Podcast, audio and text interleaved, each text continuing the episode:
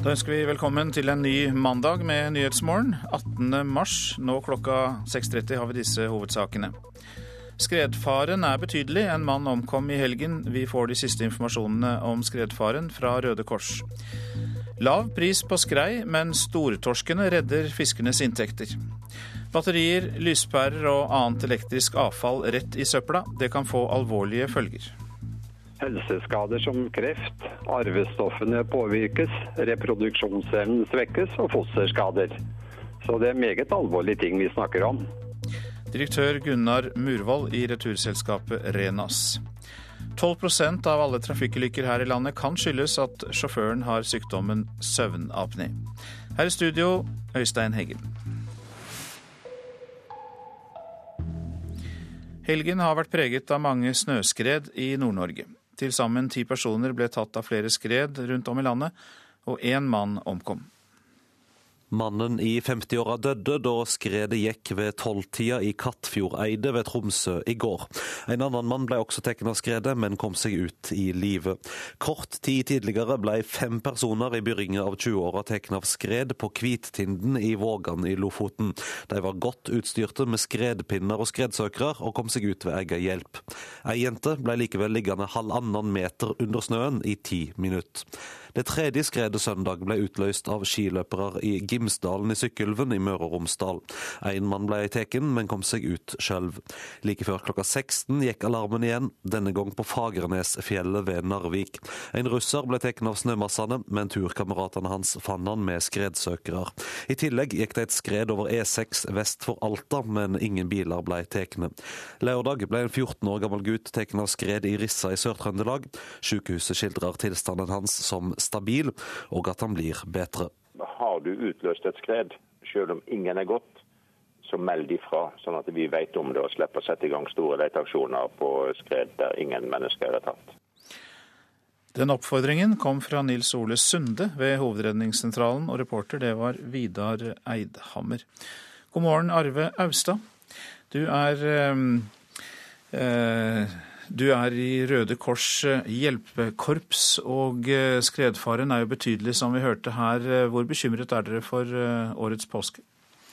Nå kan skredfaren variere ganske mye eh, over tid, og også forskjellige steder i landet. Eh, så jeg vil ikke si at vi er mer bekymra nå enn en hvilken som helst annen påske. Eh, vi er i beredskap hele året rundt, alle steder i, i landet. Så, så, det tar vi som et hvilket som helst annet år. Du er jo fagleder i Røde Kors, og kan du fortelle oss litt om hovedårsakene til at skredfaren er så stor mange steder nå? Ja, skredfaren den, den, er avhengig av det været som har vært uh, tidligere, og den lagdelinga som, som, er i snøen. Og så har det veldig stor betydning nedbøren som har vært den siste tida, og også vinden. og Det gjør da at vind og nedbør gjør at det bygger seg opp mye snø i, i leheng. Noe som gjør at skredfaren øker, da, spesielt hvis du har ustabile lag i snøen under. Er det noen eh, områder eh, av landet der risikoen er størst? Er det mulig å si det foran påsken? Det er veldig vanskelig å si, for det, som jeg sa, så, så er det veldig store lokale variasjoner. Eh, og skredfaren endrer seg over tid. Vi hørte jo om en rekke tilfeller av skred her nå i dette innslaget, bl.a. Kattfjordeidet i Tromsø, der en mann omkom.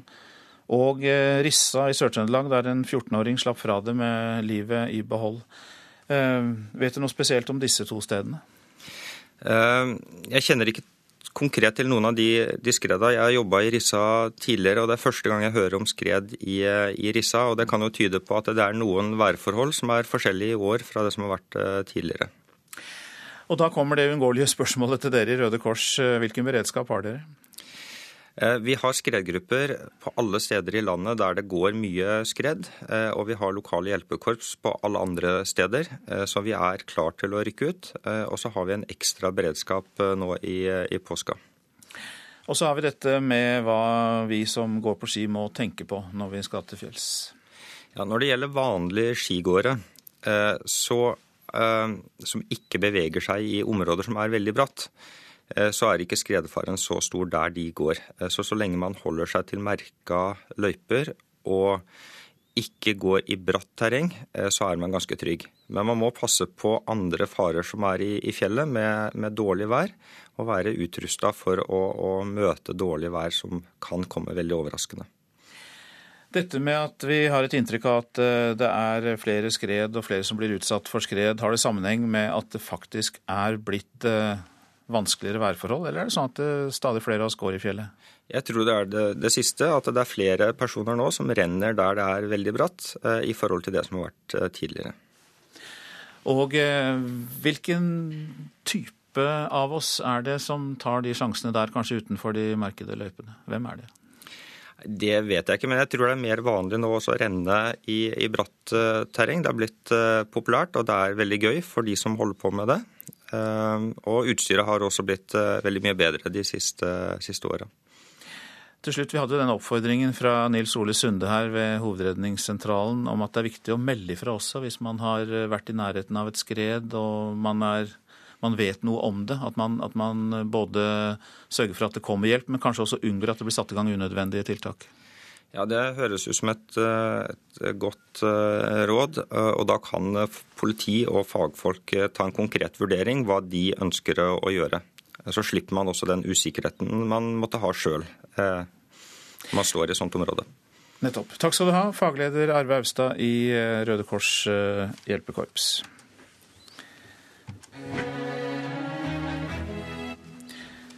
Fiskerne har eh, god inntekt av skreifiske i vinter, eh, til tross for de lave fiskeprisene som ble innført før eh, nyttår. Grunnen er mye fisk i havet, og at det fanges mer stor torsk, for den er bedre betalt. Masse fisk og ikke god betaling, men de har nå vært flinke å kjøpe seg. Husøyfisker og leder av Nordre Senja Fiskarlag, Jimmy Tøllefsen, på vei på land etter nok et godt skyvær. Vel to måneder etter at vinterfisket starta etter nyttår. Det har gått eh, bra, vil jeg si, i forhold til utsikt. Og jeg sitter vel igjen med den samme sesongen òg. Men pipe hadde en annen lyd rundt nyttår pga. lave fiskepriser. Det har vært diskutert både på å si, markeringer om å vente litt med å begynne. Det har jo vært landing eh, som, som normalt, og, og, og vel så det.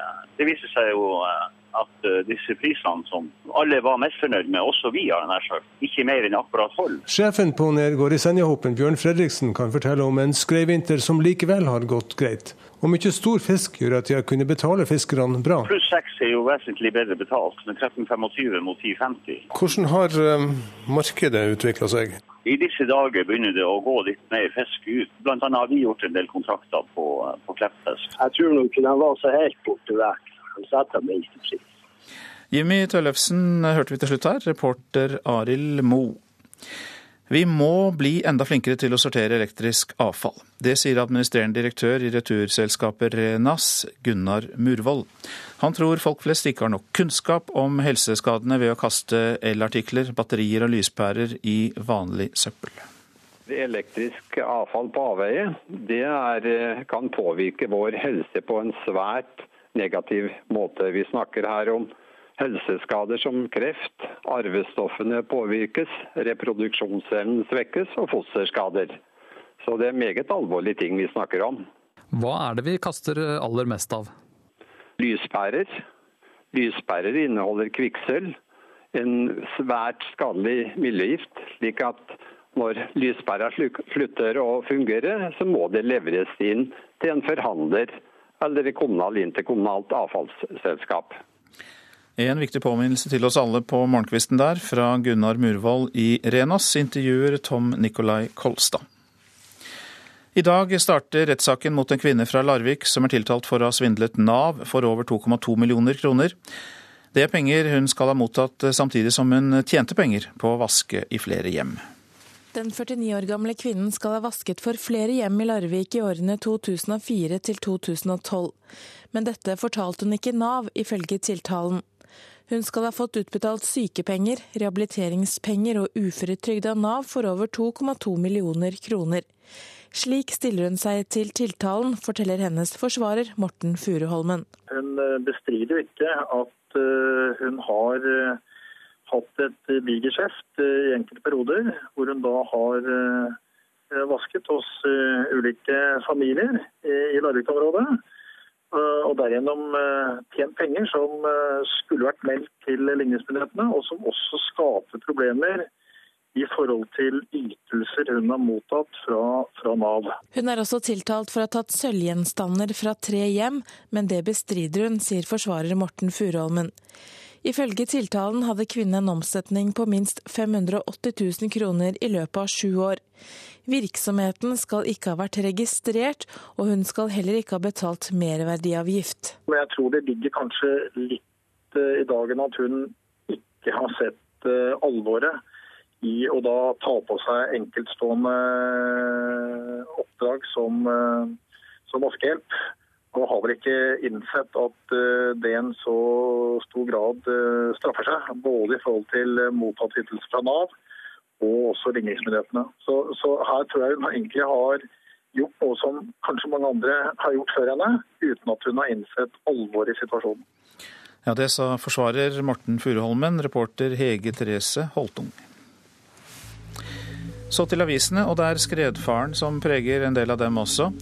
Jeg tenkte at nå skjer det verste, jeg kunne rett og slett dø, sier Sander Berg Vårum til Adresseavisen. Lørdag ble han tatt av et snøskred i Rissa i Sør-Trøndelag og lå begravd i 40 minutter. 14-åringen har hatt veldig flaks, sier skredekspert. 18 har dødd i snøskred i Troms siden 2004, skriver Nordlys. En mann i 50-årene ble i går siste offer, som vi hørte tidligere i sendingen. Den siste tidas snøfall med påfølgende vind har gjort skredfaren i Nord-Norge stor. Må selv kreve penger fra dem som drepte deres barn, er oppslaget i Aftenposten. En rekke familier får ikke dekket sitt tildelte erstatningsbeløp fra staten. Voldsdømte her i landet skylder over 1 milliard kroner. 40 eldre kvinner kan tape 25 millioner kroner, skriver Dagens Næringsliv. De mener seg lurt av tidligere DNB-rådgiver, og nå utvider politiet siktelsen mot ham. Døde av hjertestans etter at tre leger hadde sendt 39-åringen hjem, skriver Bergens Tidende. Nå vil familiene vite hva som gikk galt da Leif Åge Kjensvold døde etter å ha vært på legevakten. Frykter religionskonflikt i skolen, skriver Vårt Land. Flere lektorer frykter at morgendagens lærere kan få problemer med å videreformidle toleranse og respekt. Utfordrer Jens til helsekamp er oppslaget i Klassekampen, og SV-leder Audun Lysbakken han eh, vil skrote nåværende modell med helseforetak. Lysbakken håper å få med seg Jonas Gahr Støre på mer direkte politisk styring av sykehusene. Ti års ulykke i Irak, skriver Adresseavisen. Dyp splittelse, utbredt nød og nesten daglige terrorbomber preger Irak. Lenger vekk fra George W. Bushs visjon om et lysende eksempel for Midtøsten kan man knapt komme, skriver utenrikskommentator Erik Sagflot. Flere nordmenn går langrenn, og vi går oftere på ski enn før, skriver Nasjonen. 54% av oss går på ski minst én gang i sesongen, viser ny spørreundersøkelse. Slakter Bergens uteliv, kan vi lese i Bergensavisen. Matanmeldere og næringslivstopper avisen har snakket med, mener at restaurantene i vestlandshovedstaden er kjedelige, forutsigbare og kjipe. De ti viktigste fradragene på selvangivelsen og de smarte boligrådene, det er førstesideoppslagene i henholdsvis VG og Dagbladet.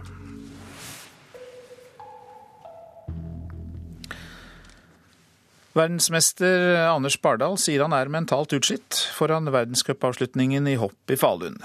Godt sesongen snart er over, sier landslagstrener Alexander Støkkel.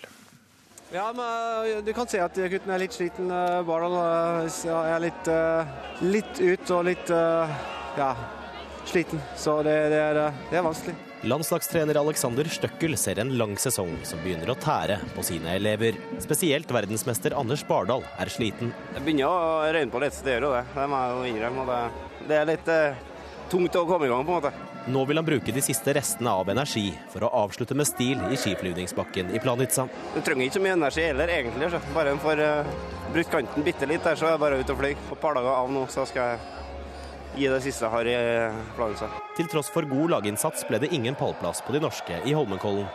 Nå venter snart hvile for hopperne og trener Alexander Støkkel. Nå er det, nå er det bra at vi er snart ferdig. Reporter her, det var Mats eh, Håby. Det blir en kamp mellom Dario Colonia og Petter Northug, sier landslagstrener Trond Nystad om eh, sammenlagtseieren i verdenscupen. Han tror vi får se en langt eh, piggere utgave av den sveitsiske langrennsløperen under verdenscupfinalen i Sverige enn det vi så i Holmenkollen sist helg.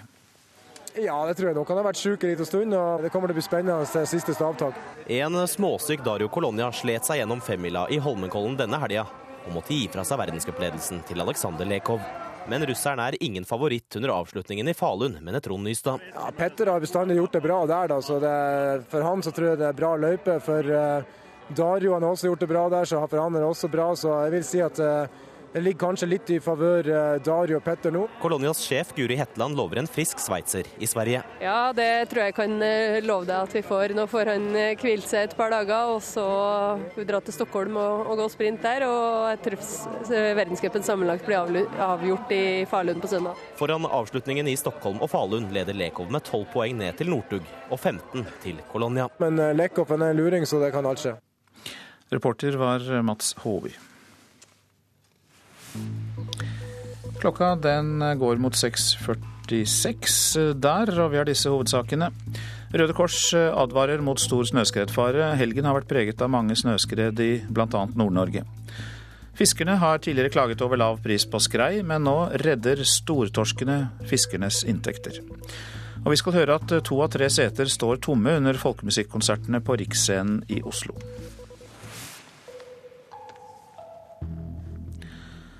12% av alle trafikkulykker her i landet kan skyldes at sjåføren har sykdommen søvnapné. De sover dårlig om natten og sliter med å opprettholde konsentrasjonen i løpet av dagen. Ikke alle er klar over at de har sykdommen, sier Jan Fossheim, overlege ved Stavanger universitetssykehus.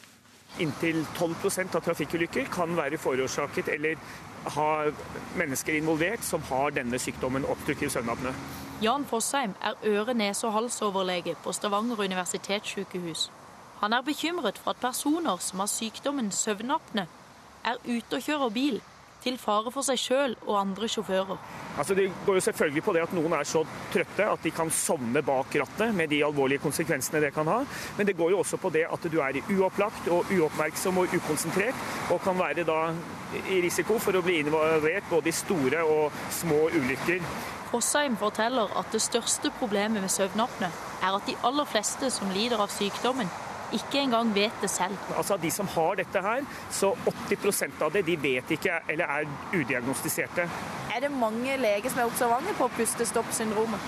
Det har nok blitt mer og mer i fokus på det etter hvert, men, men ennå tror jeg det, det, kan være mer oppmerksomhet rundt det. Og Vi prøver jo å informere om det og ha kurs om det, så, så henvisningsmengdene til oss med denne typen problemstillinger det er helt klart økende.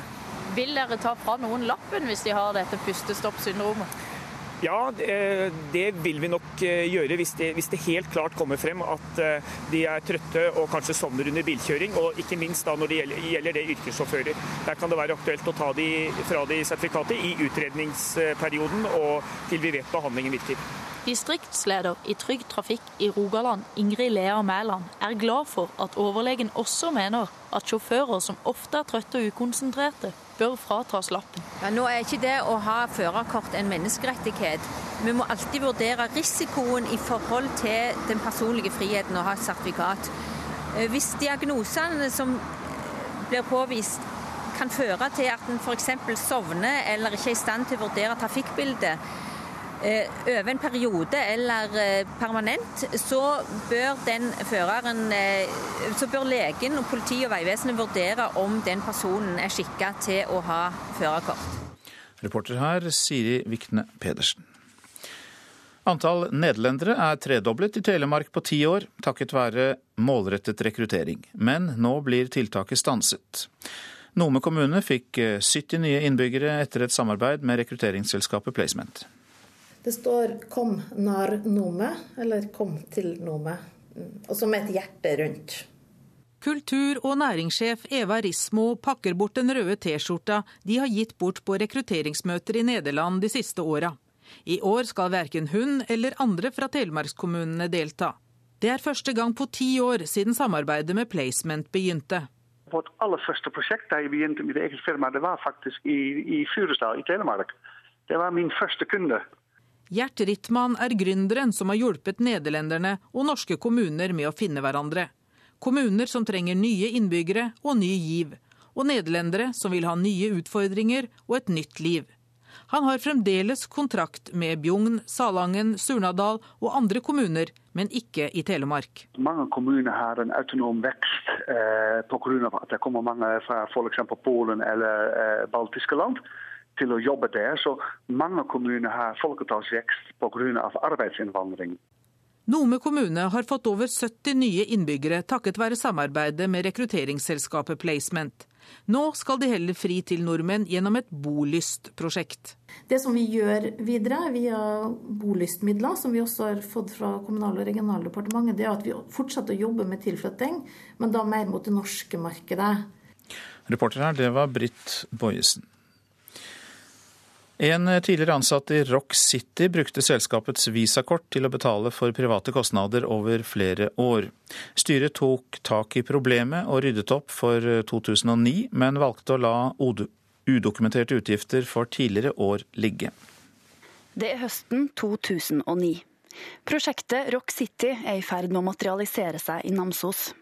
Leieavtalen for bygget som skal huse senteret, er på plass. Men styret er redd økonomistyringa i selskapet ikke er som den skal, og bestiller en rapport fra revisorfirmaet sitt. Som kommentert i tidligere revisjonsbrev nummer 4 2008 og nummer 3 2007, blir fortsatt selskapets visakort brukt av NN til å betale private kostnader. NRK Trøndelag har fått tilgang til rapporten som viser at en tidligere ansatt blanda sin private økonomi med økonomien til Rock City. De private utgiftene skal fortløpende ha blitt trukket fra lønna til vedkommende, men stikkprøver fra 2009 viser at den ansatte brukte Rock City sitt visakort til å betale for bl.a. diesel, mat og reiser, uten å legge fram dokumentasjon på utgiftene. Vedkommende vil ikke stå fram, men sier til NRK at han har gjort opp for seg, og at alle utgiftene fra 2009 som det ikke var dokumentasjon for, er trukket fra lønna hans. Tilbake i 2009 fører revisorrapporten til diskusjon i styret. NRK har fått utskrift av en e-postutveksling mellom enkelte av styremedlemmene. Spørsmålet nå er hvordan vi skal håndtere dette på en slik måte at det blir minst mulig omdømmetap for Rock City Namsos. Her må vi trø varsomt og reflektert.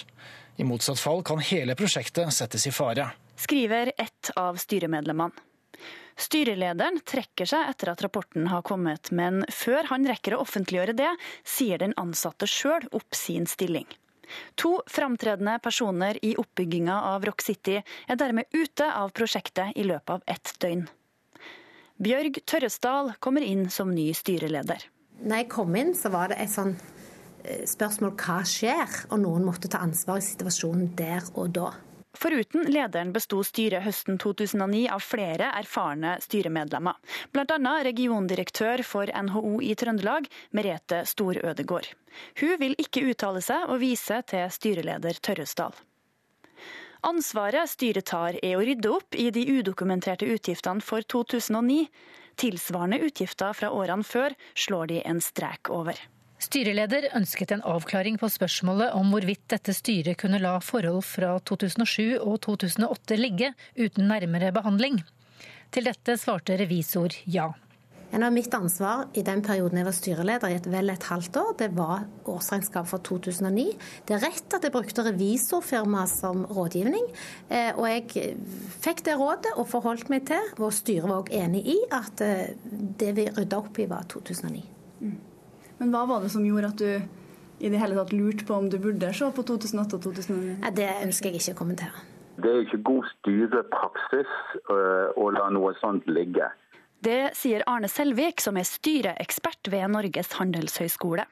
Man må skjelne mellom to typer av ansvar. Det ene er det rent juridiske ansvaret, hva du kan bli dømt for. Det andre er styreansvaret, som eh, på engelsk kalles for accountability. At du skal stå til rette for. Og Da skal du stå til rette for både skattebetalerne og innbyggerne, og du skal stå til rette for eh, samfunnet. Og du skal ha ansvar for at virksomheten har et godt omdømme i omgivelsene. Rock City har til sammen mottatt over 50 millioner kroner i offentlige midler. Selskapet har et underskudd på 10 millioner kroner og en gjeld på nærmere 30 millioner. Selskapet har fått en frist fra Kulturdepartementet til 20. mars på å vise at det er grunnlag for videre drift. Hvis ikke er det slutt på pengene fra staten.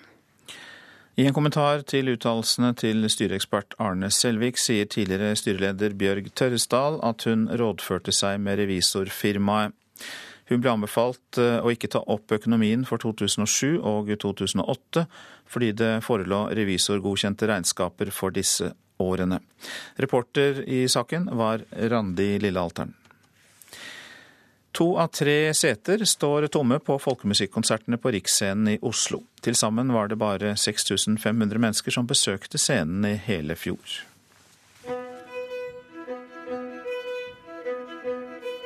Skotske Catriona MacDonald spiller for et lite, men hengivent publikum på Eriksscenen. Heller ikke i kveld er flere enn en tredjedel av billettene solgt unna. På de 101 konsertene som ble arrangert i fjor, kom det til sammen 6500 mennesker. Vi har en dekningsgrad på, på rundt 33% Men eh, det som er realiteten, er at vi har et veldig fleksibelt hus. Og innreder rommene i henhold til den type musikk og konserter vi har. Sier daglig leder for Eriksen, Helge Skansen. Han kan leve med det lave besøkstallet takket være en årlig statsstøtte på 25 millioner kroner. Riksscenen åpnet for to og et halvt år siden og skal være et senter for nasjonal og internasjonal folkemusikk og joik. Huset på Grünerløkka i Oslo er resultatet av Kulturløftet, hvor regjeringen har satset på i alle sjangre egne hus og kompetansesentre. Mye penger har blitt brukt på bygg og administrasjon, og mindre på selve musikken, sier musiker Gabriel Fliflet. I norsk kulturliv så brukes det altfor mye penger på betong og stål og glass. Jeg syns at det å bygge opp svære, nasjonale, tunge, dyre institusjoner og bygg ikke nødvendigvis den eneste måten å, å vitalisere musikksjanger på. Riksscenen har et meget rikt og interessant program, sier redaktør for bladet Folkemusikk, Knut Aastad Bråten. Men det er urealistisk stort sammenlignet med publikums interesse for musikken. Ambisjonsnivået har vært for høyt. Det gjelder ikke bare folkemusikkfeltet, men det gjelder andre også smalere sjangre. For å øke publikumstallet bør man arrangere færre folkemusikkonserter, og heller åpne opp for andre sjangre en blanding til å kanskje ikke ha så mange folkemusikkonserter, men også slippe til andre nye musikkuttrykk. Det ville kanskje være en idé for Riksscena framover. Hovedmålet med huset er å styrke folkemusikken, heller enn å nå de store massene, sier Skansen. Syvende og sist så må vi huske på at dette huset er bygd som et utstillingsvindu for norsk folkemusikk, for vår egen tradisjonsmusikk i Norge. Eh, også internasjonalt, men det skal være et utstillingsvindu. Og da handler det om veldig mange andre verdier enn bare akkurat seteplassene. Daglig leder for Riksscenen Helge Skansen til reporter Sofia Paskiewicz. Så til eh, værvarselet. Langfjella periodevis liten storm utsatte steder, stort sett oppholdsvær. Fjellet i Sør-Norge unntatt Langfjella. Perioder med sørlig liten kuling, stort sett opphold og perioder med sol. Østafjells på kysten vest for Oksøy perioder med sterk eh, østlig kuling. Ellers på kysten nordøst liten kuling og seinere til dels stiv kuling i sør. Skyet eller delvis skyet. Lite eller ingen nedbør østafjells. Rogaland østlig liten kuling og sterk kuling på kysten lengst i sør. Fra i ettermiddag minking til frisk bris. Stiv kuling på kysten lengst i sør. Lettskyet eller delvis skyet, stort sett opphold. Hordaland, der blir det østlig periodevis liten kuling, ellers pent vær. Sogn og Fjordane og Møre og Romsdal pent vær. Trøndelag også pent vær. Etter hvert kan det bli liten kuling på kysten av Trøndelag. Helgeland, Saltfjellet, Salten og eh, Ofoten. Litt snø i nord først på dagen, ellers opphold. Etter hvert eh, pent vær i sør. I kveld økende til stiv kuling.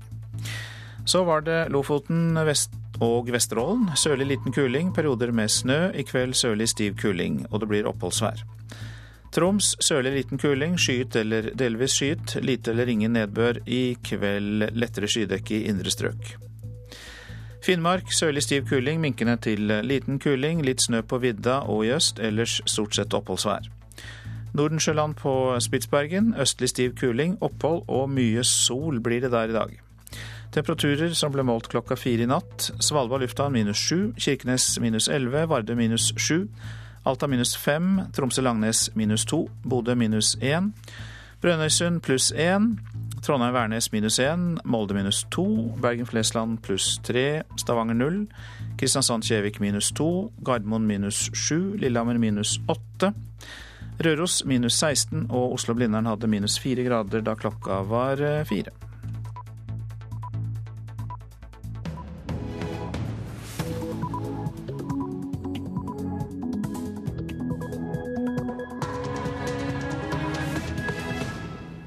Ja, da lytter du til eh, Nyhetsmorgen på P2 og Alltid nyheter. Nå klokka sju har vi disse hovedsakene i vår nyhetsoppdatering. Flere elever enn før blir delt inn i grupper etter hvor flinke de er. Kunnskapsministeren vil ha slutt på dette, men møter motstand fra Oslo-byråd Torger Ødegård. Dette handler om at man i deler av undervisningen kan settes i grupper for å få oppgaver som både er noe å strekke seg etter, og som man kan løse. For meg så er det komplett uforståelig at ikke kunnskapsministeren ser at det er veien å gå. Nordmenn bruker rekordmye penger i utlandet. Virke frykter at det skal ramme norske bedrifter hardt. Det er ingen som sier at vi skal ta sydenturen fra nordmenn. Men vi reiser mange ganger i løpet av et år, og det finnes attraktive opplevelser og spennende ting å gjøre i Norge også, og der må vi konkurrere bedre. Hilde Charlotte Solheim i arbeidsgiverorganisasjonen Virke. Røde Kors advarer mot stor snøskredfare. Helgen har vært preget av mange snøskred i Nord-Norge. Økonomisk krisepakke vekker sinne på Kypros. Uklart om nasjonalforsamlingen vedtar krisepakken i dag. Og Kristine Lindhøy gir ut bok om hvordan det er å være foreldre til to barn med spesielle behov. Når man er på sykehus og får beskjed om at barnet ditt er faktisk så sykt at du vet ikke helt om du får komme hjem med det eller ikke, så det setter livet i litt, et litt annet perspektiv. Oslo-skolen vil trosse signalene fra regjeringen og legge til rette for mer gruppeinndeling etter faglig nivå i tiden fremover. De siste årene har det blitt mer nivådeling i norsk skole, noe kunnskapsministeren er skeptisk til. Det er veldig viktig for elevenes læring at man ikke i barneskolen og ungdomsskolen deler elevene inn etter eh, nivå. Og Det er fordi at de fleste elever lærer best og mest i blanda elevgrupper. Lovverket sier at elevene til vanlig ikke skal være inndelt i grupper etter faglig nivå. Men i stortingsmeldinga som regjeringa la fram fredag, peker de på at bruken av slike grupper faktisk øker i norsk skole. Det tror Kristin Halvorsen kan være problematisk, og hun varsler derfor mer kontroll og tilsyn. Eh, og vi ønsker å følge bedre med på hvordan skolene og kommunene praktiserer dette. Jeg tolker det i retning av at de ønsker en innstramning. At regjeringen er bekymret for at eh, det er tilløp til nivådifferensiering rundt omkring i Skole-Norge. Det sier skolebyrådet i Oslo, Torgeir Ødegaard fra Høyre. Han vil ta Oslo-skolen i stikk motsatt retning av det statsråden varsler. Uh, Theis, hva skal dere gjøre for å vise fram det dere har jobbet med? Nylig fikk Kastellet skole i Oslo avklart sin sak. Skolen deler inn elevene i tre ulike mestringsgrupper i norsk, matte og engelsk. Noe elev Vilde Wøien er fornøyd med. Jeg syns det er veldig bra, fordi jeg lærer mye bedre når vi er i mestringsgrupper enn i vanlige klasser. Det kom klager på den systematiske praksisen, men Utdanningsdirektoratet slo fast forrige uke at den er lovlig. Og dermed vil Høyre-byrådet bruke den saka til å innføre mer nivådelt undervisning. Og Det betyr også at jeg fremover kommer til å anstrenge meg for å sørge for at eh, alle Oslo-skoler gjennomfører forskjellige former for mestringsgrupper og nivådifferensiering. Han mener det er trist at ikke regjeringa gjør det samme. Dette handler om at man i deler av undervisningen kan settes i grupper for å få oppgaver som både er noe å strekke seg etter, og som man kan løse. Og for meg så er det komplett uforståelig at ikke kunnskapsministeren ser at det er veien å gå. Ja, Oslo-byråd Torger Ødegaard til reporter Håvard Grønli. Nordmenn bruker rekordmye penger i utlandet. Det viser nye tall fra Statistisk sentralbyrå. Stadig flere norske næringer taper i konkurransen med utlandet, sier direktør for reiseliv i arbeidsgiverorganisasjonen Virke, Hilde Charlotte Solheim. Dette viser at mange flere bransjer enn industri er konkurranseutsatt. Dette gjelder reiseliv, dette gjelder handel og det gjelder tjenestesektor ellers. Byene klarer seg, for det er pressområder, men i mange distrikter så hadde vi hatt bruk for denne verdiskapningen. Nordmenn reiser stadig oftere til utlandet og bruker mer penger på hver tur. På bl.a. hoteller, restauranter, opplevelser og shopping i andre land.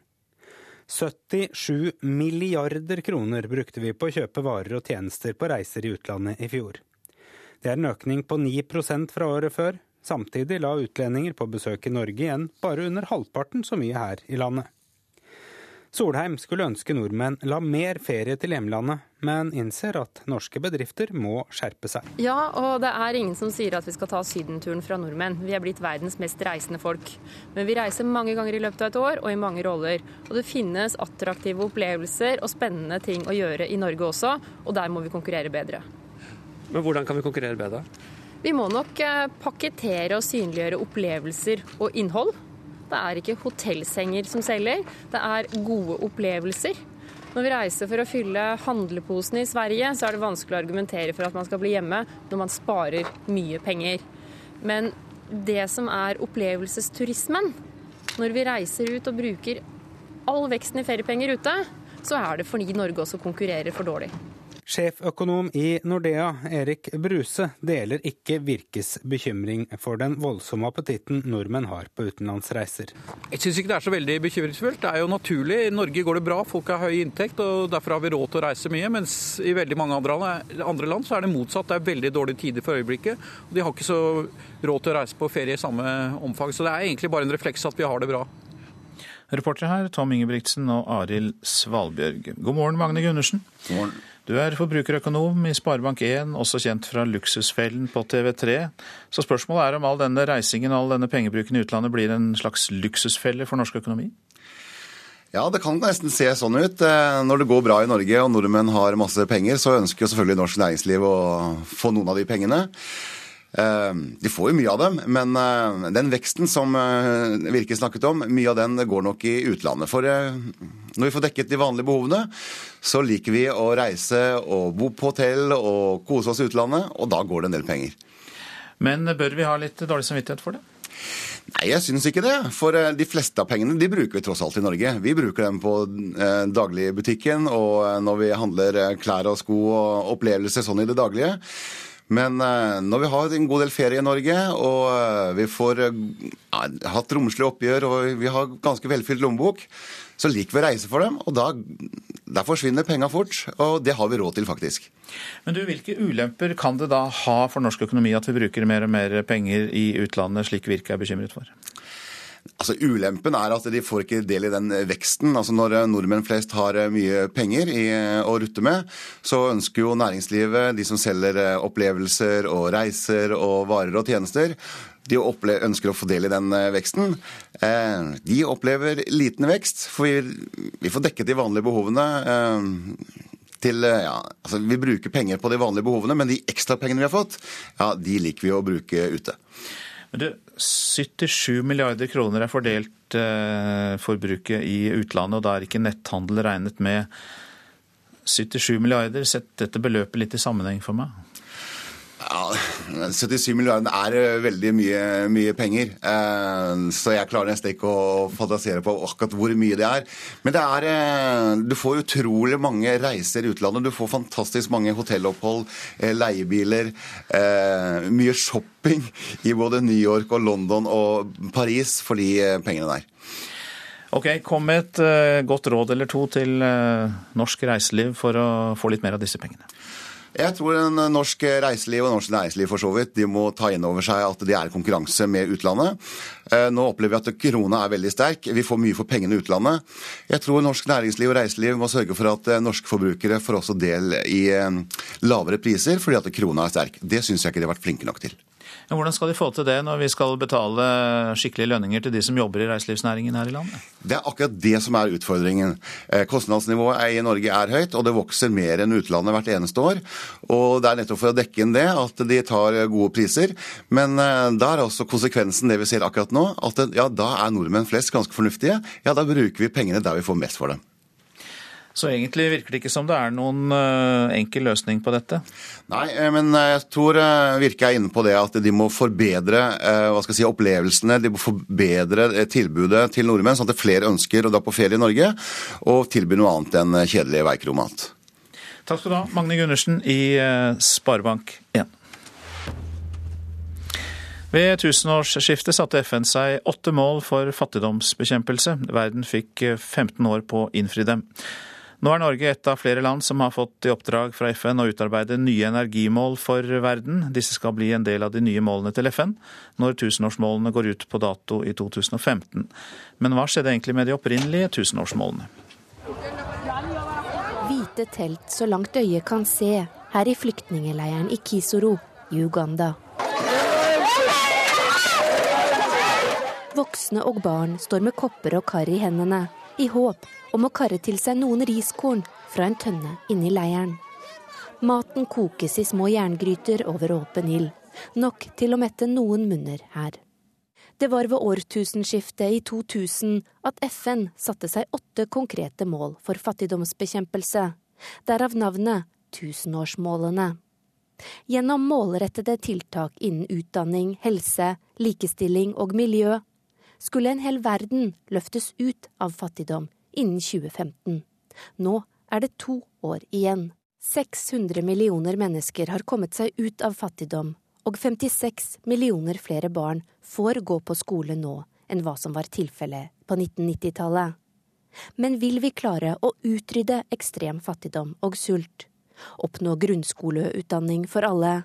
Fremme likestilling mellom kjønnene? Styrke kvinnenes stilling? Redusere barnedødeligheten?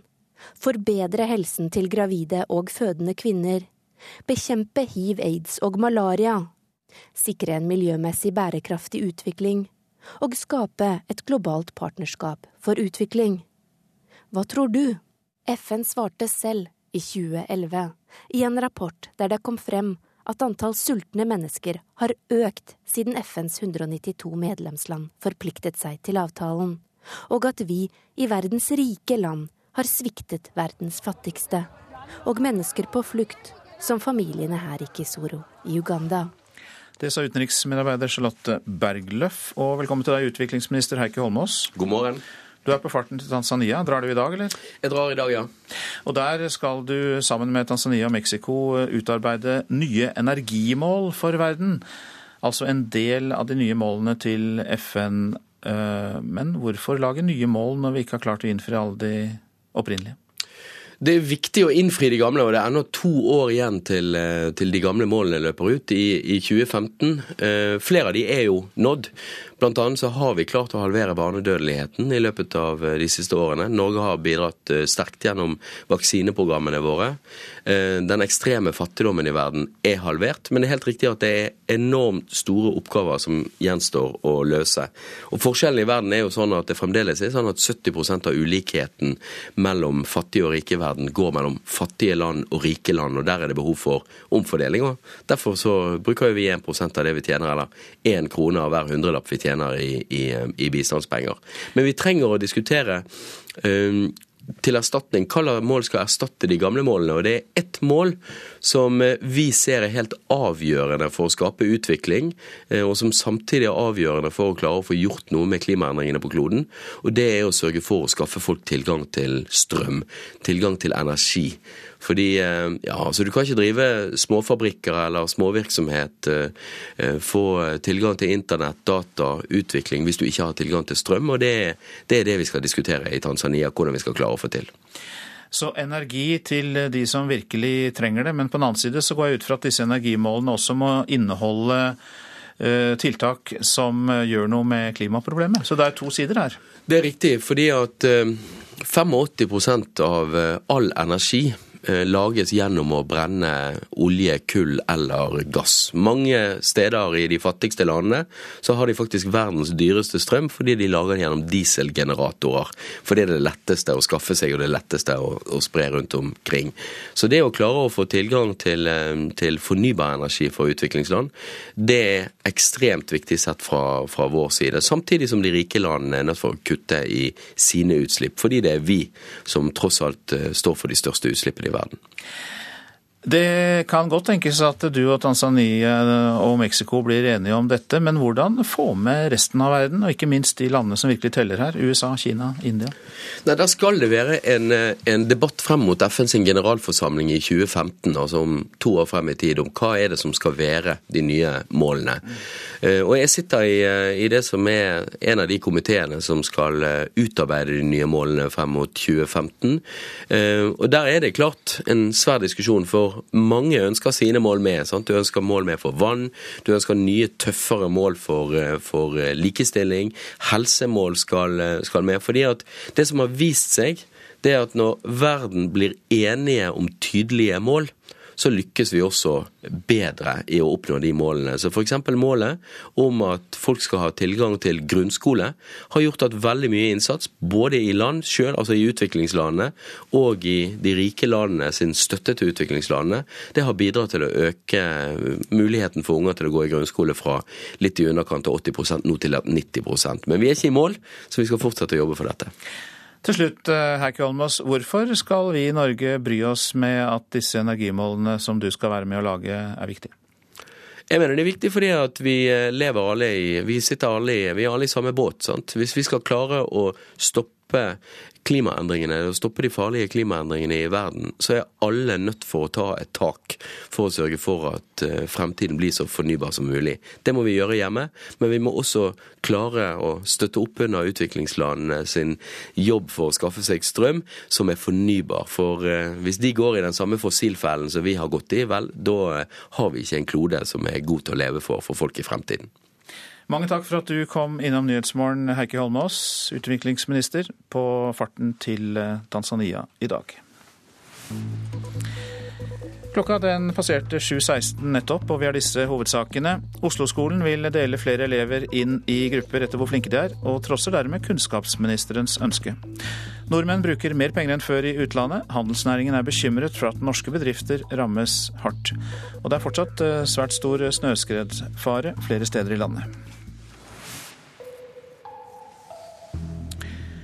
I dag er det ventet at nasjonalforsamlingen på Kypros skal ta stilling til den økonomiske krisepakken som EU og Det internasjonale pengefondet har utarbeidet. Men folk på Kypros er rasende motstandere av forslaget, og det er uklart om det går igjennom.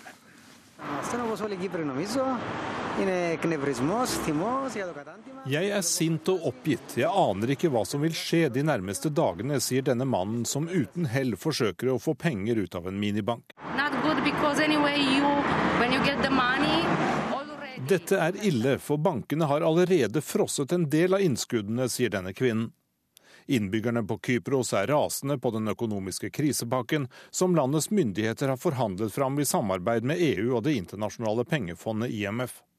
Kypros skal få 10 milliarder euro i lån, men betingelsen er at bankkundene må betale en engangsskatt på inntil 10% av innskuddene. Sinte kyprioter har stått i kø siden lørdag for å få ut mest mulig penger fra bankene. Mange mener at myndighetene rett og slett er i ferd med å stjele sparepengene deres. Den kypriotiske presidenten sier at krisepakken er helt nødvendig.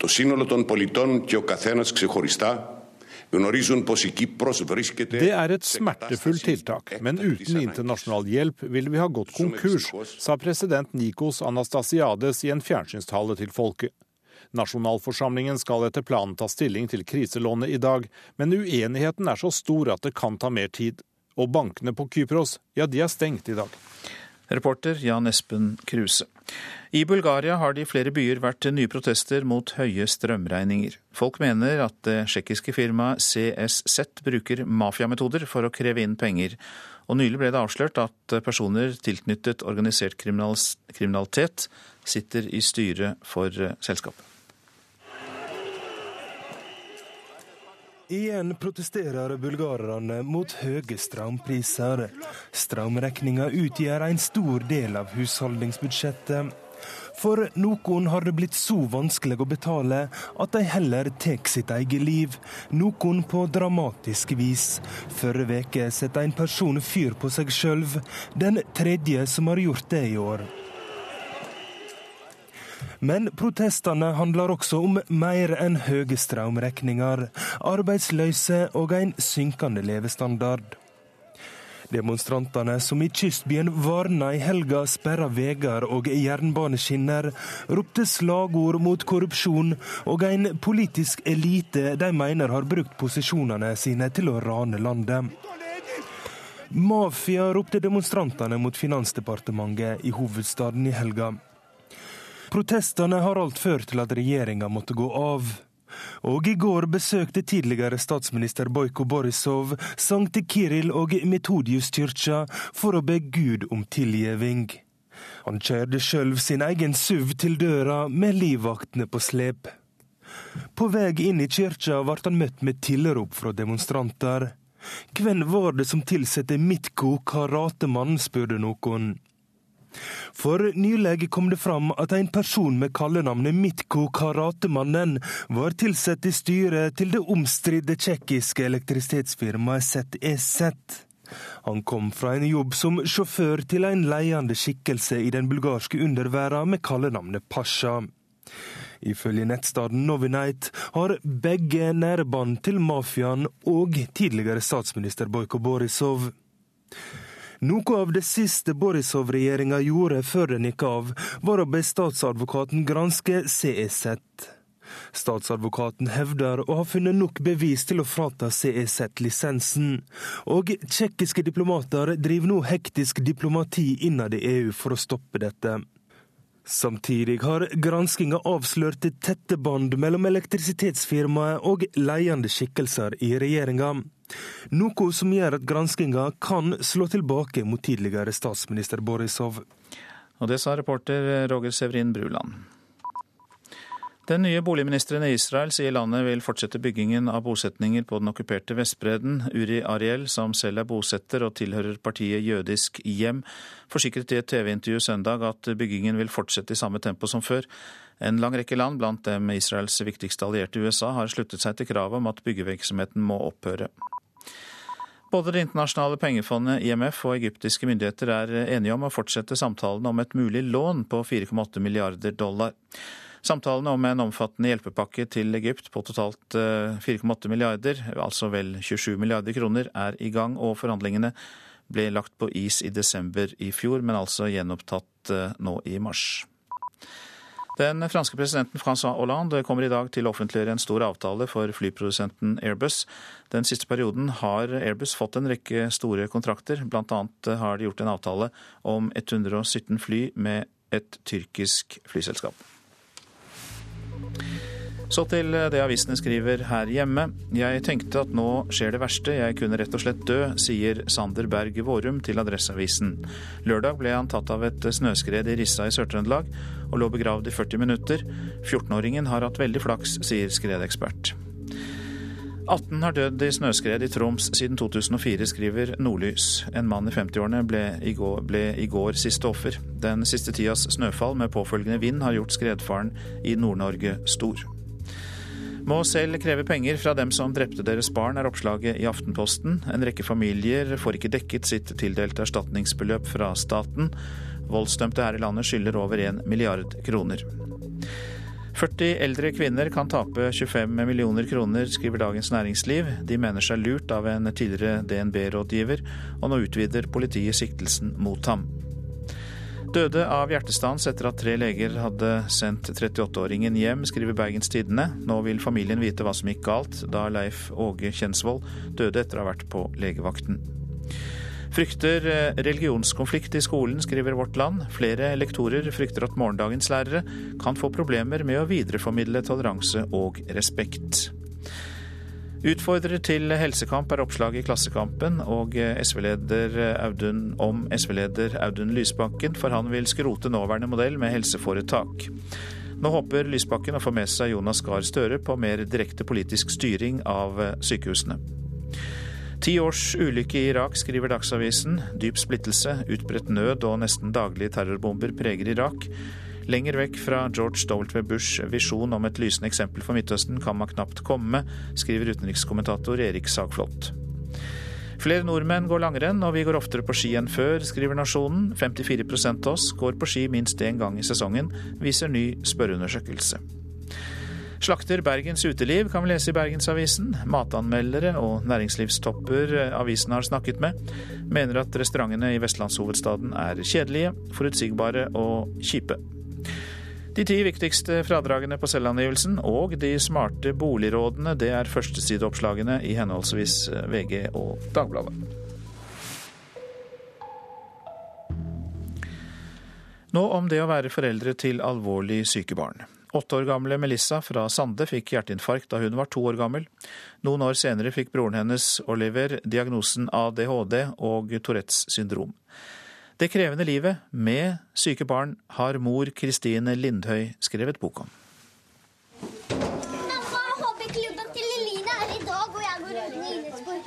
Når åtte år gamle Melissa kommer løpende mot mamma som henter henne på skolen i Sande, er det umulig å se at hun har en alvorlig sykdom. Skal vi hente Oliver? Det er ingenting som tyder på at hun fikk hjerteinfarkt da hun var to år gammel og har vært gjennom tre hjerteoperasjoner. Jeg hadde to dører som, i hjertet som ikke funka. Den ene ville ikke lukke seg opp, og den andre ville ikke lukke seg igjen. Så eh, da måtte de åpne opp der. Når man er på sykehuset og får beskjed om at barnet ditt er faktisk så sykt at du vet ikke helt om du får komme hjem med det eller ikke, så det setter livet i litt, et litt annet perspektiv. Sier moren til Melissa, Kristine Lindhøy. Mamma, den bikkja var så spinnvill at hun var jo nesten oppe i taket. Hun er også mor til ti år gamle Oliver, som har kommet hjem fra skolen mens Melissa ble hentet. Jeg vil bli forfatter selv. Hva slags bøker er det du skal skrive, da? Det jeg får i hodet. Det var eh, i utgangspunktet en idé om å få ned ting på papiret. Tanker jeg satt med mye etter eh, operasjoner som Melissa hadde, sykdom. Slik startet arbeidet med det som nå er blitt til boken Sidespor. Men den handler ikke bare om Melissas hjertefeil. Oliver han har eh, da ADHD, så han er høyt og lavt stort sett store deler av døgnet.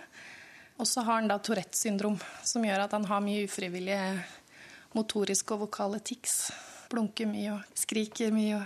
Det er vel litt å fortelle hvordan hverdagen kan være når man har barn med spesielle behov. Hvilke utfordringer man møter.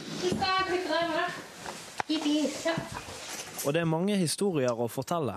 Vi holdt på med badet oppe, eh, hvor mannen min hadde smurt membran over vegger og skulle gjøre det klart i dagen etterpå.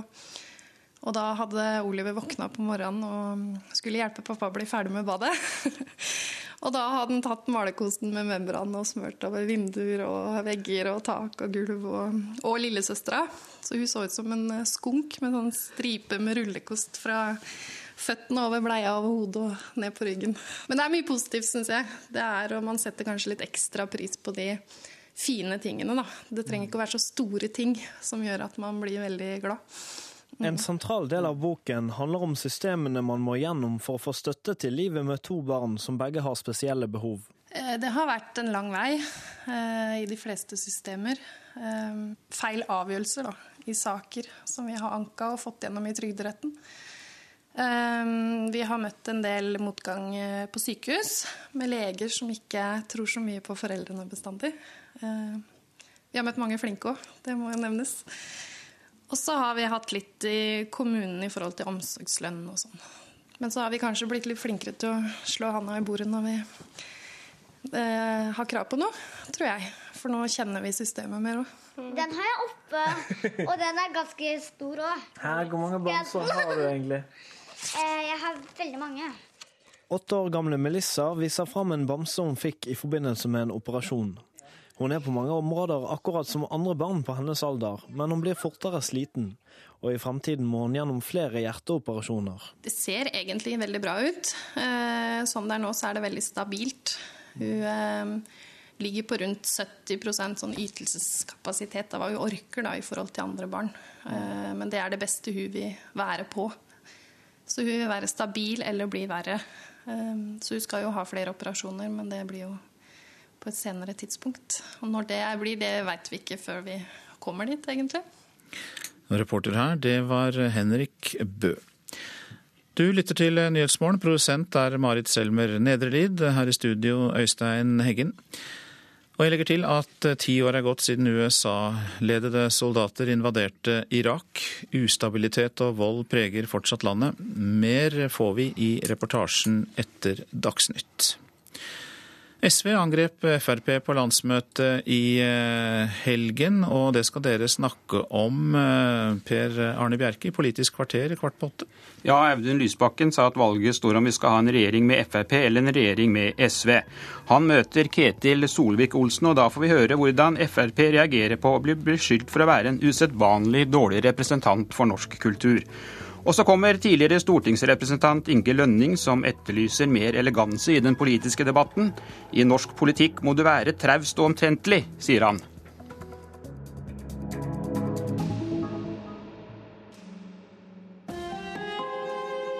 Hør ekko. De er bare insekter, men de er uerstattelige. Vi er helt avhengig av biene. De sørger nemlig for maten vår. Men biene er truet over hele kloden, og det er vår skyld. Hvordan kan vi redde dem? Bli med på leting etter svarene i bienes verden. Ekko 9 11 i NRK P2.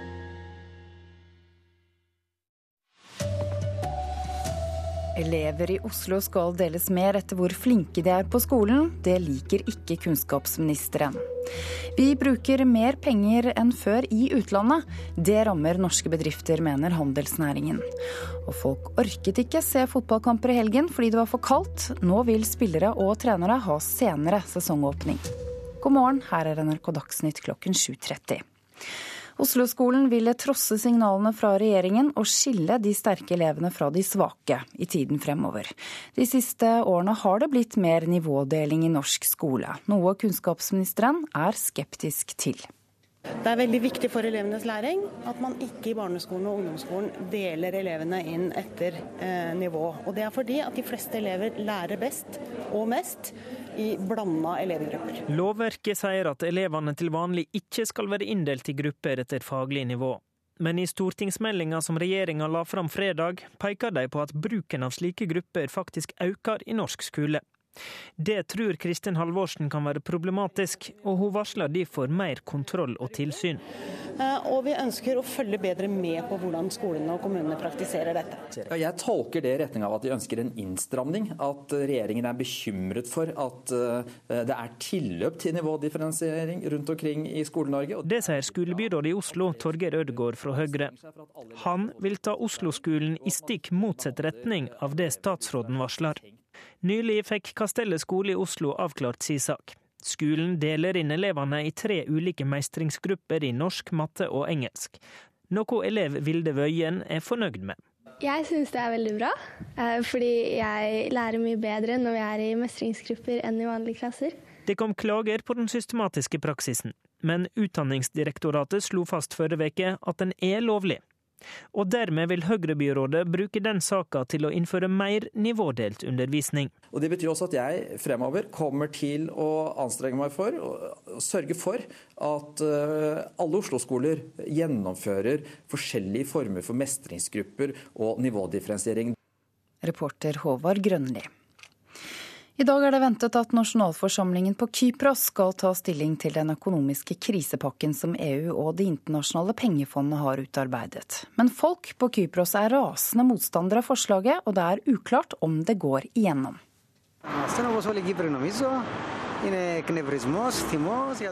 Jeg er sint og oppgitt. Jeg aner ikke hva som vil skje de nærmeste dagene, sier denne mannen som uten hell forsøker å få penger ut av en minibank. Dette er ille, for bankene har allerede frosset en del av innskuddene, sier denne kvinnen. Innbyggerne på Kypros er rasende på den økonomiske krisepakken som landets myndigheter har forhandlet fram i samarbeid med EU og Det internasjonale pengefondet IMF. Kypros skal få 10 milliarder euro i lån, men betingelsen er at bankkundene må betale en engangsskatt på inntil 10 av innskuddene. Sinte kyprioter har stått i kø siden lørdag for å få ut mest mulig penger fra bankene. Mange mener at myndighetene rett og slett er i ferd med å stjele sparepengene deres. Den kypriotiske presidenten sier at krisepakken er helt nødvendig.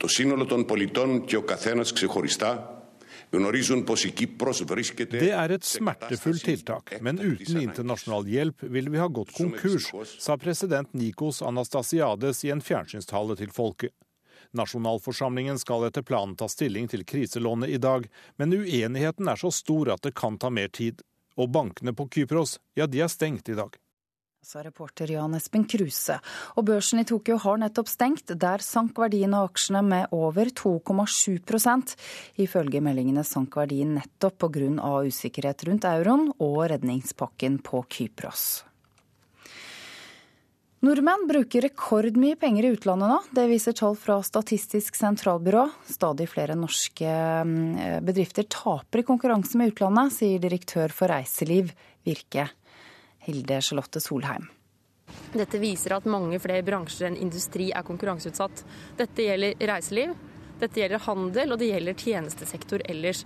Byene klarer seg, for det er pressområder, men i mange distrikter så hadde vi hatt bruk for denne verdiskapningen. Nordmenn reiser stadig oftere til utlandet og bruker mer penger på hver tur. På bl.a. hoteller, restauranter, opplevelser og shopping i andre land.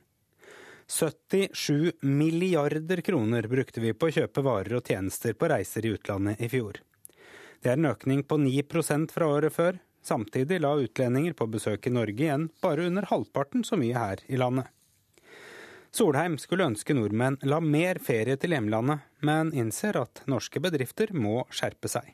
Når vi reiser for å fylle handleposene i Sverige, så er det vanskelig å argumentere for at man skal bli hjemme når man sparer mye penger. Men det som er opplevelsesturismen, når vi reiser ut og bruker all veksten i feriepenger ute, så er det fordi Norge også konkurrerer for dårlig. Sjeføkonom i Nordea, Erik Bruse, deler ikke Virkes bekymring for den voldsomme appetitten nordmenn har på utenlandsreiser. Jeg syns ikke det er så veldig bekymringsfullt. Det er jo naturlig. I Norge går det bra, folk har høy inntekt og derfor har vi råd til å reise mye. Mens i veldig mange andre land så er det motsatt. Det er veldig dårlige tider for øyeblikket. og De har ikke så råd til å reise på ferie i samme omfang. Så det er egentlig bare en refleks at vi har det bra. Reportere i denne saken var Tom Ingebrigtsen og Arild Svalbjørg. Flere steder i landet meldes det nå om skredfare av grad 3, som er faregraden da flest omkommer.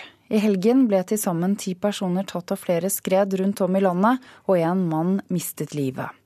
Fagleder Arve Austad i Røde Kors hjelpekorps sier de har mannskap på de mest utsatte stedene. Eh, vi har skredgrupper på alle steder i landet der det går mye skred. Eh, og vi har lokale hjelpekorps på alle andre steder, eh, så vi er klar til å rykke ut.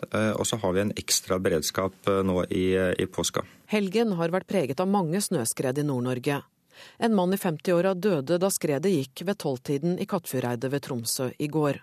En annen mann ble også tatt av skredet, men kom seg ut i live. Kort tid tidligere ble fem personer i begynnelsen av 20-åra tatt av skred på Kvittinden i Vågane i Lofoten. Det gjorde også en mann i Fagernesfjellet i Narvik. For disse gikk det til alt hell bra.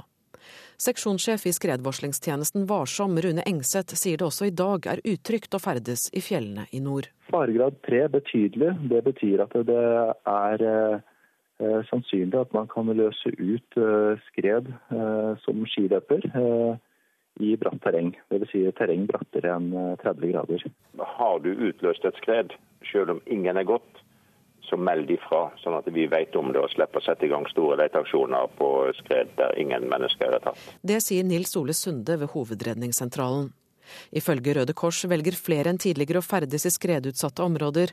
Likevel har vanlige skigåere liten grunn til engstelse, sier Arve Austad. Eh, så, så lenge man holder seg til merka løyper og ikke går i bratt terreng, eh, så er man ganske trygg. Men man må passe på andre farer som er i, i fjellet med, med, dårlig vær, og være utrusta for å, å, møte dårlig vær som kan komme veldig overraskende.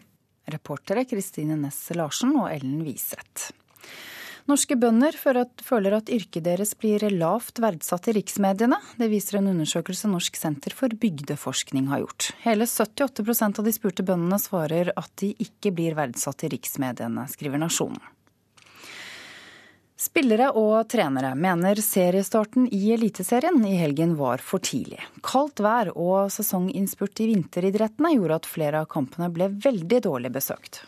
Jeg skulle ønske det var full pupp både i Stavanger og Ålesund. Leve av eh, at publikum liker å komme på stadion og se norsk fotball. Oppsettet, Kampoppsettet må ta noe av den eh, skylda der. Det er håpløst å starte så tidlig. Det sier Haugesund-trener Jostein Grindhaug etter å ha spilt for 6925 i Ålesund. Så få har det ikke vært på stadion siden den åpna i 2005. Også i Kristiansand og på Åråsen var tilskuertallet lavt man forstår det på en måte også. Folk var i tvil om det ble kamp. Vi trente her på fredag, det var jo masse snø, så banemannskapet har gjort en fantastisk jobb som fikk banen klar. Sier Jesper Mathisen i Start. NRK har snakka med en rekke trenere og spillere etter første serierunde, og mange er misfornøyd med den tidlige starten, både av hensyn til spillerne og publikum. Nei, jeg tykker det var vettig. Jeg tykker at man eh, burde begynt i, eh, i eh, samme som Sverige, siste helga i mars, første helga i eh, april. Det sier Lillestrøm-trener Magnus Haglund. Han får støtte fra Sandnes Ulf-trener Asle Andersen. Ja, Vi får gjort veldig lite med det, men et ønske fra, fra vår side hadde selvfølgelig vært å, å velge å vente i 14 dager. Eh. Kjetil Siem, generalsekretær i Norges Fotballforbund, forstår kritikken, men er fornøyd med seriestarten. I fjor på denne helga så var det 15 varmegrader mesteparten av landet. Det er litt vanskelig å vite hvor varmt det skal bli når du setter terminlista. Det var folk i Holmenkollen, det var ikke noe varmere der heller, så det er ikke noe menneskerett at det skal være varmere på fotball eller på andre idretter når vi bor i Norge. Reporter Kari Stokke Nilsen. Ansvarlig for sendingen Erlend Rønneberg, Per Ivar Nordahl og Ida Creed. Dette er Nyhetsmorgen. Onsdag er det ti år siden USA-ledede styrker invaderte Irak, angivelig på jakt etter Saddam Husseins masseødeleggelsesvåpen. I løpet av eh, årene etter krigen ble minst 116 eh, 000 sivile irakere drept, ifølge en ny studie som er offentliggjort i det britiske legetidsskriftet The Lancet. Og fortsatt preges landet av ustabilitet og vold. Sirenene uler fortsatt i Bagdads gater. På torsdag ble minst 21 mennesker drept i samordnede terrorbombinger.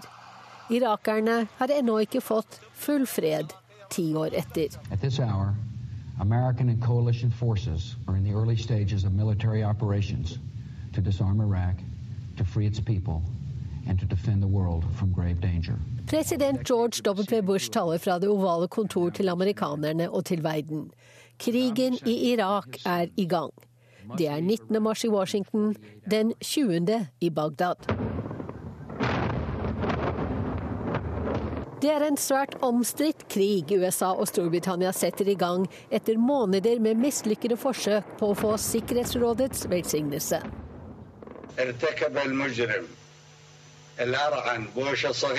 Den kriminelle Bush jr. og hans kompanjonger har begått forbrytelsen de har lovet Irak, svarer Saddam Hussein.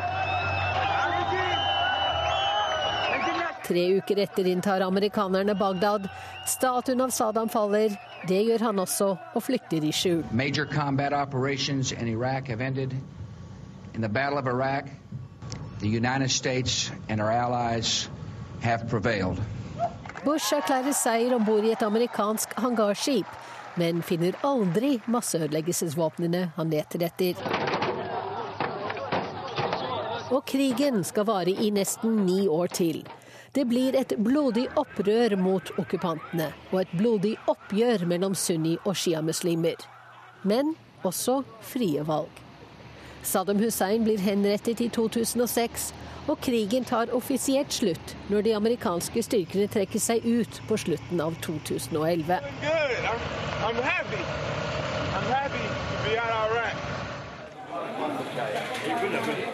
Shabandar kafé er en institusjon i Bagdad. Den beskrives som hovedstadens kulturelle og intellektuelle hjerte. Et møtested for utveksling av synspunkter og informasjon siden 1917. Men i 2006, da den sekteriske volden mellom sunnier og sjiaer toppet seg, sprengte en selvmordsbombe seg i nabolaget. 68 mennesker ble drept.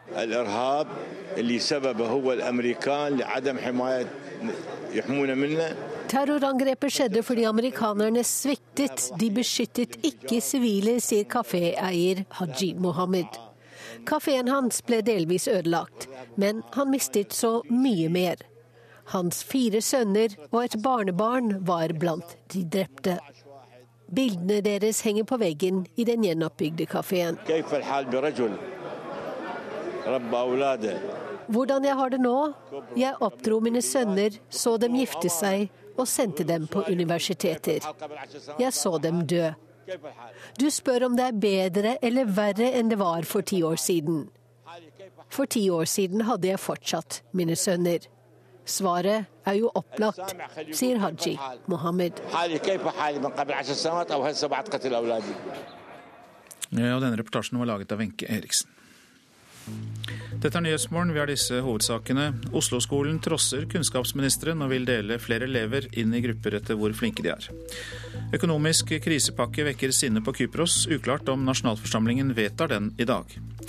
Nordmenn bruker mer penger enn før i utlandet. Handelsnæringen er bekymret for at norske bedrifter blir rammet. SV-landsmøtet mener høstens valg er et spørsmål om det er SV eller Fremskrittspartiet som skal sitte i regjering, og um, de to partiene møtes hos deg i Politisk kvarter, Per Arne Bjerke. SV skremmer med Fremskrittspartiet. Kanskje de to partiene har gjensidig nytte av hverandre? Og hvor ble det av den elegante debatten med den skarpe replikken 'I norsk politikk er det om å gjøre å være traust og omtrentlig', sier Inge Lønning.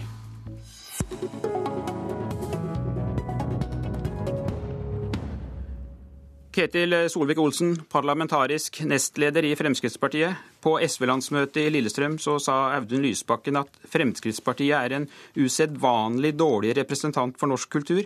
Hvordan reagerer du på det? Jeg syns det er en litt rar måte å prøve å fremheve sin egen politikk med å heller rakke ned på andre. Jeg er veldig komfortabel med Fremskrittspartiet. Jeg tror vi har mange nye, gode løsninger for eh, problem som har vært vedvarende i det norske samfunn. Dette handler om å finne løsninger på helseproblem, på skolepolitikk, på måten vi finansierer infrastruktur på. Og Der har Fremskrittspartiet hatt mye nye, gode løsninger. Løsninger som mange andre partier tar inn eh, i eget program eh, et par år eller gjerne 10-15 år senere. Og vi har dermed vært ledende eh, på utviklingen av norsk politikk. Så dette bør vanlige folk være fornøyd med hvis de får Frp i regjering.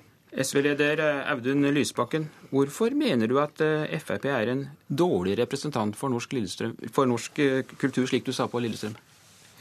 Jeg, har blitt veldig fascinert over vinterens kulturdebatt, der Fremskrittspartiet altså har gang på gang sagt at vi har en slags konstant norsk kultur som må forsvares i møte med det flerkulturelle samfunnet, og der en har pekt på verdier som nøysomhet, eh, små sosiale forskjeller, eh, likestilling, respekt for homofile og lesbiske, og manet opp innvandrere og muslimer som en trussel mot dette. Og Så eh, kan vi jo ta et lite blikk på vår egen veldig nære politiske historie, og så ser vi at det er nettopp Fremskrittspartiet som har vært motkraften når norske kvinner har kjempet for likestilling, som stemte mot ekteskapsloven, har vært mot nesten hvert eneste viktig steg i frigjøringen til homofile og lesbiske i Norge, og som systematisk fører en politikk for å øke forskjellene.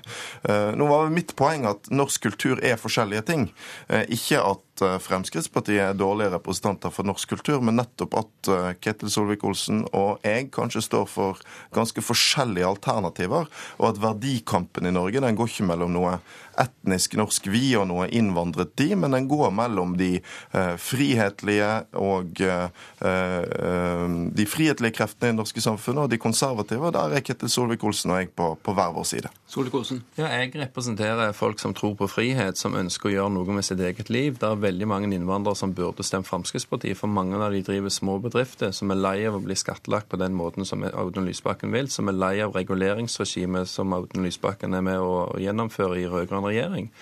Men det som har vært Frp sin tilnærming her, det er jo ikke noe sånn eh, ja, negativt eh, sånn sett. Altså Det som vi er bekymra over, det er at hvis du har en for stor innvandring over tid, så vil folk våkne opp og føle seg fremmedgjort i sitt eget nabolag. Den type raske omveltninger er det Fremskrittspartiet har advart mot, og vi har jo òg fått rett. De advarslene Carl I. Hagen kom med på 80-tallet, de har jo vist seg å slå til på ganske mange skoler eh, i en del områder av Oslo. Og Det syns vi er uheldig. Vi syns det er positivt å ha opplevelser med ulike kulturer, at folk kan flytte på seg. Mange nordmenn har jo òg flytta utenlands. Men det er tempoet og omfanget her, og ikke minst hvilke belastninger du kan få på velferdsstaten. Hvis du får veldig mange folk inn som trenger utrolig mye hjelp fra velferdsstaten for å, å, fungere i samfunnet. Og Det er der SV egentlig er en utfordring mot velferdsstaten med den politikken de fører, når de ikke har noen restriksjoner på immigrasjonspolitikken når de får bestemme seg. Gå litt et annet tema der dere også er uenige. Lysbakken i talen din sa du også at det vil være direkte pinlig og flaut hvis en overbevist klimaskeptiker skulle få plass i regjeringen. Ser du noen klimaskeptikere her i studio? Altså, Ketil Solvik-Olsen er jo uh, Fremskrittspartiet sitt uh, alibi i miljøspørsmål. og Han anerkjenner i hvert fall at vi har menneskeskapte klimaendringer. Men det nye programmet til Fremskrittspartiet gjør det ikke. Han som er miljøpolitisk talsmann, er veldig opptatt av å fortelle at CO2 er noe sosialistene har uh, funnet på for å erstatte Karl Marx, og at det ville være en skandale om vi brukte mye penger på klimatiltak. Jeg mener at det ikke først og fremst er flaut om vi får klimafornektere i, i regjering. Det er farlig. For det er de neste årene det er helt avgjørende å handle hvis vi skal klare å møte klimakrisen. Vi har satt oss ambisiøse mål for 2020. Og akkurat da risikerer vi altså for første gang å få inn folk i regjering i Norge som åpent sier at de eh, ikke tror på klimaproblemet, og dermed selvfølgelig heller ikke vil prioritere å gjøre noe med det. Dette er jo en utrolig rar debatt du legger opp til. fordi at Vi er altså ikke klimafornektere, men det er mange i Fremskrittspartiet som er skeptiske til den eh, måten SV-ere beskriver utfordringene, og ikke minst de løsningene SV-erne har. Det er derfor vi er kritiske til mange ting. Altså, jeg har vært i dette studiet her argumentert imot når Erik Solheim, tidligere eh, miljøvernminister, ville glatt bruke 25 milliarder kroner på å rense verdens reneste gasskraftverk. Da sier vi at det er mye mer fornuftig å bruke de pengene på tiltak som faktisk har en nytteverdi, og ikke ting som bare har en symbolsk verdi. Men jeg syns Audun Lysbakken gjerne skal ta og lese Fremskrittspartiets prinsipprogram. Fordi Der står det at Fremskrittspartiet skal føre en ansvarlig klimapolitikk. Vi skal bidra til å redusere utslipp av klimagasser. Og et parti som angivelig fornekter problemet, ville jo ikke hatt den formuleringen i seg. Men ja, vi skriver òg en del ting om at det må problematisere den klimavitenskapelige debatten. Og På landsmøtet til SV i 2007 så kom jo Kristin eh, Halvorsen med påstand om at de som er kritiske, må være kjøpt og betalt av oljeindustrien. Den form for tilnærming til vitenskapen er vi svært uenige med, med SV i, at du må være korrupt hvis du skal være kritisk. Ja. Lysbakken, nå hadde vi altså her i Politisk kvarter for en uke siden en debatt der Bård Hoksrud fra Fremskrittspartiet sa at Frp vil bygge mye mer jernbane enn det SV vil. Og Hva er det egentlig som er så skremmende med FrPs miljøpolitikk? Jeg tror Når det kommer til stykket, så vil vi få se at hvis Frp får makt, så vil de bruke den til å legge om samferdselspolitikken i retning store motorveier og ikke eh, jernbane. Jo, men Skal vi da ikke tro men, jo, på FrPs program hvis vi skal tro på deres? Jo, men jeg tror på Frp sitt program. Og i Frp sitt program for neste periode så står følgende sitat Det er for tidlig å konkludere rundt årsakssammenhenger vedrørende klimaendringer. Og jeg syns det er rimelig skremmende at et av Norges største partier skal bruke tid på å problematisere akseptere det som nå er en veldig samlet konklusjon fra forskere og vitenskapsfolk, istedenfor å gjøre det som alle ansvarlige politikere må gjøre i vår situasjon, mane til handling, vise at man tar dette på alvor, så bruker Frp istedenfor tid på fri til de som ønsker å ikke ta dette alvorlig, og late som om vi ikke trenger å gjøre det. Men ærlig talt, Audun, fordi at dette blir en helt meningsløs debatt. Du tar ut én setning, mens den setningen som jeg siterte, den har du bare glatt oversett. Og der står det altså vi, ja, det er mange hos oss, meg inkludert, som mener at måten vi har diskutert klimavitenskapen på i Norge, har ikke vært bra. Fordi at det er de som er kritiske, eller de som har andre eh, syn på det, de blir latterliggjort, bl.a. av din tidligere partileder. Men vi sier jo òg i programmet at vi skal gjennomføre tiltak som kutter utslippene. Nettopp fordi at vi ser at problemstillingen er alvorlig. Sånn at der du prøver å gi inntrykk av at vi ikke bryr oss, der bryr vi oss veldig. Men vi har andre tilnærminger. Fremskrittspartiet ønsker å finansiere jernbane på en annen måte. Med vår politikk så kunne vi fått ferdig intercitytriangelet i Oslo så fort det er ingeniørmessig mulig, sannsynligvis i løpet av ti år.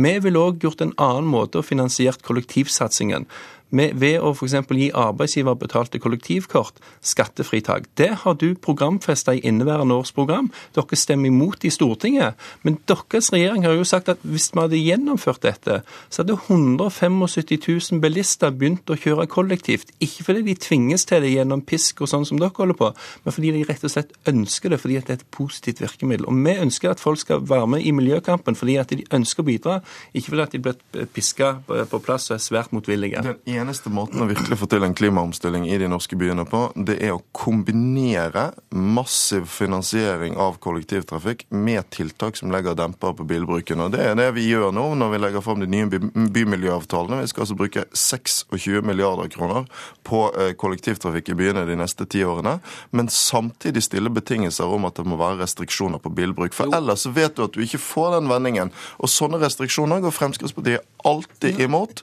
akkurat som de er imot å bruke bompenger på å finansiere videre kollektivløft. Og da får du ikke ned utslippene.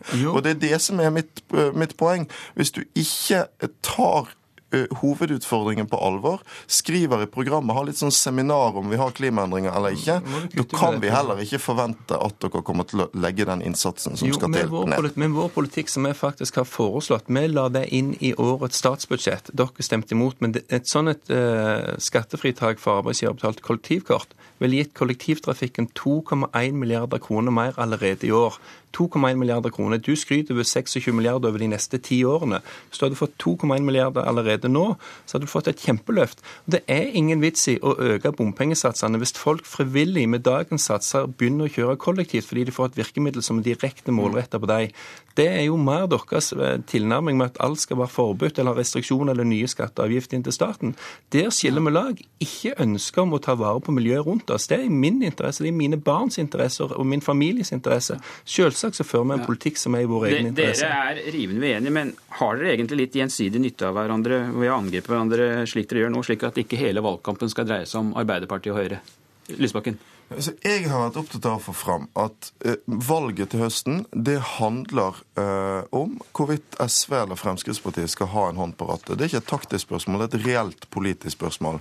Eh, for jeg tror ikke, eh, selv sånn som noen kommentatorer og noen i Høyre prøver å late som, at Fremskrittspartiet har tenkt å sitte i regjering i fire år uten å ha innflytelse.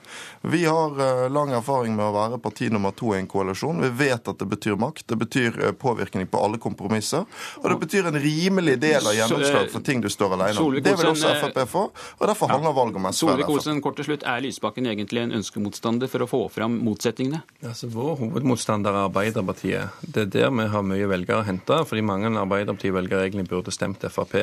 Men at SV gir oss mulighet til å profilere vår politikk, det syns vi er bra. Men vi har jo sett på SV i regjering med skrekk og gru. fordi at hvis vi hadde kommet i regjering fått så lite gjennomslag, så hadde det ikke vært verdt å sitte i regjering. Takk skal dere ha, og velkommen til deg, tidligere stortingsrepresentant for Høyre, Inge Lønning. Hva syns du om den debatten du nettopp hørte? Nei, Det blir vel terningkast tre til fire, tenker jeg. Ja, jeg har bedt deg komme hit, for i Dagens Næringsliv på lørdag så sier du at vi i Norge har en inngrodd skepsis til alt som smaker av eleganse. På hvilken måte synes du dette preger det politiske ordskiftet her i landet? Nei, altså Det mest spenstige hadde jo vært når de to fløypartiene skal møte hverandre. Så øh, vil jo jeg kanskje si at øh, hvis Frp gjennomgår den samme utvikling som eh, SV har gjort etter to perioder i regjering, så vil jo Frp være nede på sperregrensen og litt under. Og Det burde jo Audun Lysbakken være begeistret for. Ja.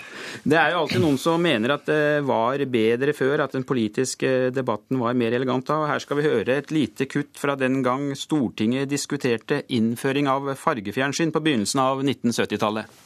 Mye av motstanden mot fargefjernsyn er av psykologisk art. Fargefjernsynet får nokså ufortjent status som symbol på vondskapen og irrasjonaliteten i vårt økonomisk system. Den typen radikalisme som ser det som et hovedmål å stanse fargefjernsynet, er i stor grad en nokså verdiløs radikalisme omtrent av samme gehalt som den som ligger i ytringa 'jeg er mot prester, men for kvinnelige prester'.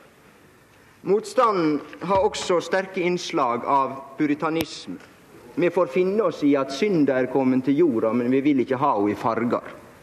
Ja, her hørte vi Einar Førde, en av de mer slagferdige representantene i Stortinget på 1970- og 1980-tallet. Lønning, synes du at det var bedre før? Ja, Det var vel litt mer spenstig. Altså, mitt inntrykk er vel kanskje at det har blitt eh, enda mer traustere og enda gråere. Og eh, Det henger vel litt sammen med at byråkratiet har på en måte overtatt språket også. Sånn at veldig mange politikere snakker som om de var en byråsjef i eh, et eller annet departement. Og, og svært ofte også såpass komplisert at det er vanskelig for uh, tilhørende egentlig å skjønne hva budskapet går ut på. Ja, Du snakker om byråkratene, men hvilke problemer ser du ved at de fleste toppolitikere også omgir seg med et utall medierådgivere, som da gjerne forteller politikerne hva de skal si, og så sier de akkurat det om igjen og om igjen? Ja, altså Det henger vel litt sammen med at uh, med, altså rådgiverne i Stortinget det er jo stort sett folk som rekrutteres direkte fra universitetet. De kommer fra eksamensbordet. Og de ligner hverandre til forveksling, uansett politisk farve. Og det gjør vel også kanskje at, uh, det, at det, det, politiske språket blir relativt ensformig og ensrettet. Det som kjennetegnet en mann som Einar Førde, det var jo at han elsket å utfordre og erte sine motstandere. og Det er jo ofte det som gir de livlige debattene, hvis man klarer å erte hverandre tilstrekkelig. Og eh, det var vel kanskje pga. at han skilte seg ut at Einar Førde senere endte som kringkastingssjef. Det er kanskje slik at han gjerne kunne ofre et vennskap for en god replikk? Ja, og så hørte vi jo i det der lille utsnittet at han spilte veldig bevisst på eh, det stilistiske virkemidlet som heter ironi. Og det er det jo blitt veldig lite tilbake av, egentlig, i det norske ordskiftet. Og det kan vel hende at det skyldes at folk ikke skjønner at ironi er ironi. Nå skal vi altså velge nytt eh, storting om et halvt år, og det kommer inn mange nye representanter, også mange unge. Hvilket råd vil du gi til dem som da skal prøve seg på landets mest fornemme talerstol? Ja, Det dristigste rådet hadde jo vært å be dem om å gå tilbake til de klassiske stilidealene og lære seg latin. Jeg vil spørre Dere to sitter her fortsatt, Solvik-Olsen og Lysbakken. Dere fikk terningkast eh, tre eller fire. Hva skal dere gjøre for å komme litt høyere opp når det nærmer seg valgkamp, Lysbakken? Jeg er jo litt usikker på om eh, alt var bedre før. Jeg tror Lønning har rett i at eh, de gode replikkene var sikkert relativt jevnt fordelt eh, mellom folk både da og nå. Jeg, til tider kan den politiske debatten i Norge være frisk, men det viktigste målet er at den politiske debatten skal være saklig og forståelig. Solvik-Olsen, hva vil du gjøre? Nei, Jeg tror det er viktig å prøve å ha gode formuleringer, gode replikker som gjør det interessant å høre på. Men problemet i dagens medieverden er at de ofte blir klippet ut av sin sammenheng etterpå, så brukes de mot deg.